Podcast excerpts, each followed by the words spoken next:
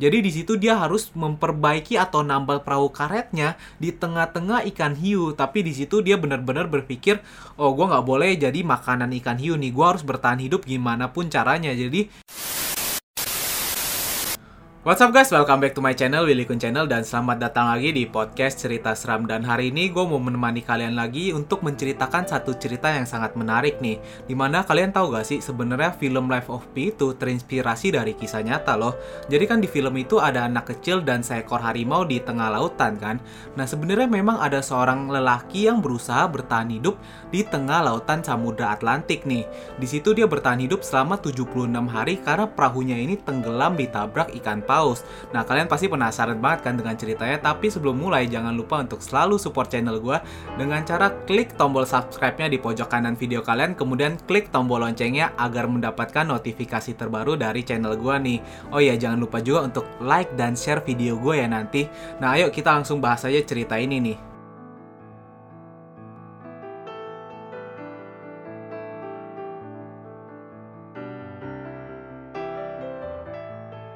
Mungkin kebanyakan dari kita kalau ngedenger namanya lautan pasti kepikiran, oh liburan nih, berenang dan mancing, pasti seru banget kan? Nah, kalian pernah gak ngebayangin gimana kalau kalian itu hanyut di tengah lautan samudra?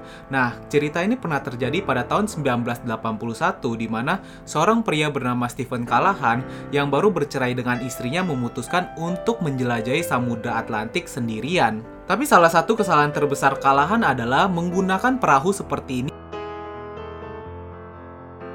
yang identik cukup kecil untuk menjelajahi Samudra Atlantik. Karena untuk informasi aja buat kalian Samudra Atlantik adalah samudra terbesar kedua di dunia. Dan ukurannya ini adalah seperlima ukuran bumi. Jadi bisa ngebayangin dong itu seberapa besar Samudra Atlantik itu Kebanyakan dari orang yang mau menjelajahi Samudra Atlantik ini atau yang mau melalui Samudra Atlantik ini selalu menggunakan perahu besar karena ombak dan cuaca di Samudra Atlantik ini nggak pernah bisa ditebak. Apalagi kalian tahu gak cerita tentang Titanic? Iya kapal yang besar yang diperkirakan nggak pernah akan tenggelam juga tenggelam di Samudra Atlantik. Terus yang paling menyeramkannya kalian tahu gak apa? Nah letak dari segitiga Bermuda juga terletak di Samudra Atlantik yang terkenal dengan angkernya.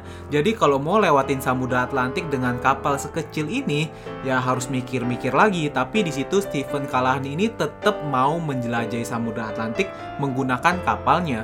Diceritakan perjalanan awal dari Stephen ini cukup lancar karena dia pergi dari benua Amerika, kemudian ke Bermuda, kemudian dia pergi ke Eropa. Nah sebenarnya di Eropa ini dia diceritakan kapalnya ini sempat rusak sebentar karena cuaca yang cukup buruk. Tapi dia berhasil memperbaikinya dan melanjutkan perjalanan ke arah Spanyol. Nah setelah beberapa hari kalahan di Spanyol ini, dia mau melanjutkan perjalanannya. Nah ketika dia mau melanjutkan perjalanannya, tepatnya Januari 1982, kejadian buruk ini pun terjadi di mana kapal dari Kalahan ini harus tenggelam karena ditabrak ikan paus. Di saat itu Kalahan menceritakan kapalnya ini rusak parah sehingga dia harus pindah ke kapal karet. Nah di situ dia juga menggambarkan keadaannya super cepet banget dan dia sangat panik. Tapi di sana dia harus tetap berpikir gimana bisa menyelamatkan dirinya. Akhirnya dia memindahkan beberapa suplai makanan ke perahu karet. Bahkan yang paling mengerikannya, Kalian harus menyelam ke dalam kapalnya yang sedang tenggelam untuk mengambil beberapa alat untuk bertahan hidup dan suplai makanan lagi. Karena kalau misalnya dia nggak lakuin hal itu udah pasti dia nggak akan bisa bertahan hidup.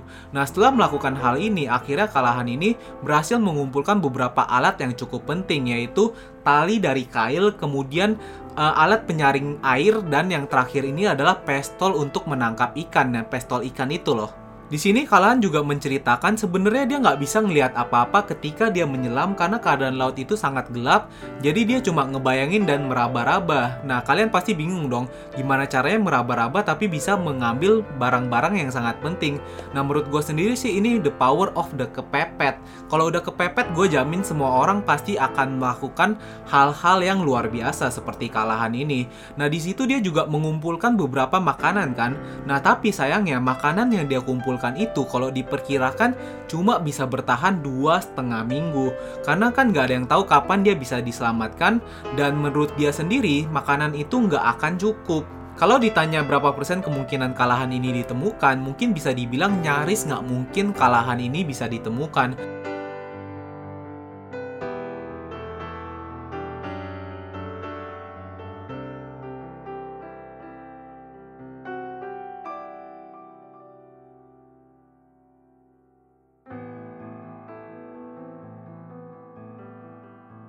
Tapi di situ Kalahan tetap nggak putus asa, dia tetap berusaha untuk bertahan hidup dan belajar bagaimana bertahan hidup di tengah lautan.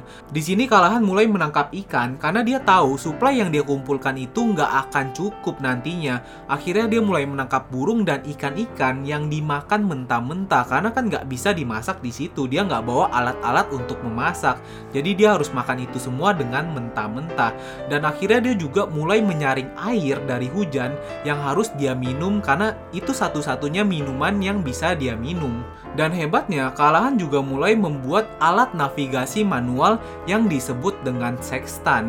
Nah, kalian pasti baru pertama kali denger nih, sextant itu apa sih? Di sini gue juga sebenarnya kalau dengar kata itu gue juga cukup bingung, tapi sextant itu adalah alat navigasi kuno yang seperti ini nih Sextant digunakan oleh pelaut zaman dulu seperti GPS. Jadi gunanya ini seperti GPS, tapi pembacaannya ini harus menggunakan rasi bintang. Jadi dia udah harus buat itu dan dia harus belajar membaca rasi bintang juga. Wah, gila bener-bener pusing banget sih keadaan pada waktu itu ya.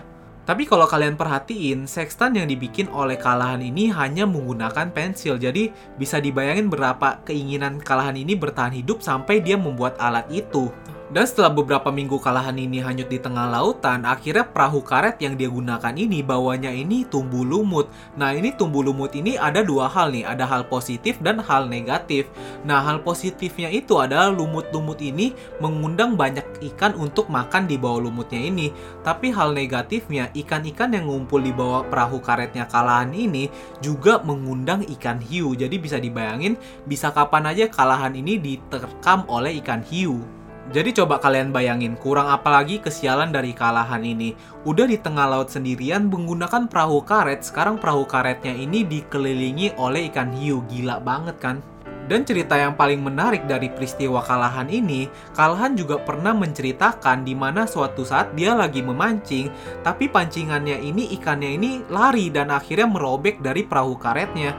Jadi di situ dia harus memperbaiki atau nambal perahu karetnya di tengah-tengah ikan hiu. Tapi di situ dia benar-benar berpikir, oh gue nggak boleh jadi makanan ikan hiu nih, gue harus bertahan hidup gimana pun caranya. Jadi dia udah harus memperbaiki menambal perahu karetnya, terus dia harus nuang air yang masuk masuk dan dia harus mempertahankan perahu itu tetap ngambang.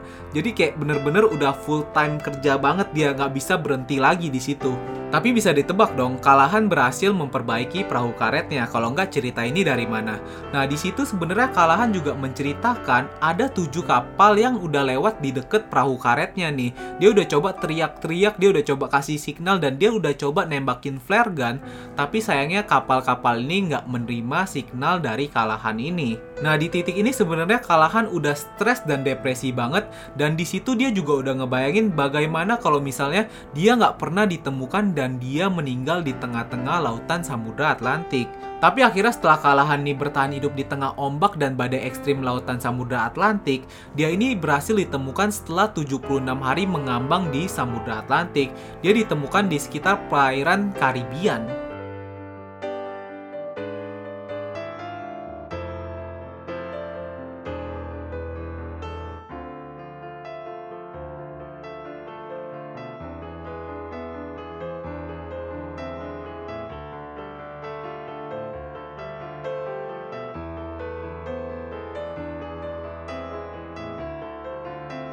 Tapi cerita menarik dari kehidupan Kalahan nggak berhenti di situ aja loh. Nah kalau kebanyakan dari kita, setelah mengalami hal seperti itu kita akan trauma dan menutup cerita ini dari publik. Nah ini berbeda dengan Kalahan. Kalahan mulai menulis semua pengalamannya dan membuat menjadi satu buku nih. Nah judul bukunya adalah 76 hari hanyut di tengah lautan. Nah buku ini hebatnya menjadi top seller di New York pada tahun 1986. Dan gak berhenti di situ aja, pengalaman hidup dari Kalahan ini sendiri pernah dibikin film dokumenterinya pada tahun 2010 yang berjudul I Should Not Be Alive. Dan puncaknya, Kalahan ini juga ikut serta dalam pembuatan film Life of Pi, di mana kita ketahui gak ada yang lebih berpengalaman selain Kalahan kalau hanyut di tengah lautan. Nah, menurut kalian gimana? Kalian bisa gak bertahan hidup di tengah lautan selama 76 hari?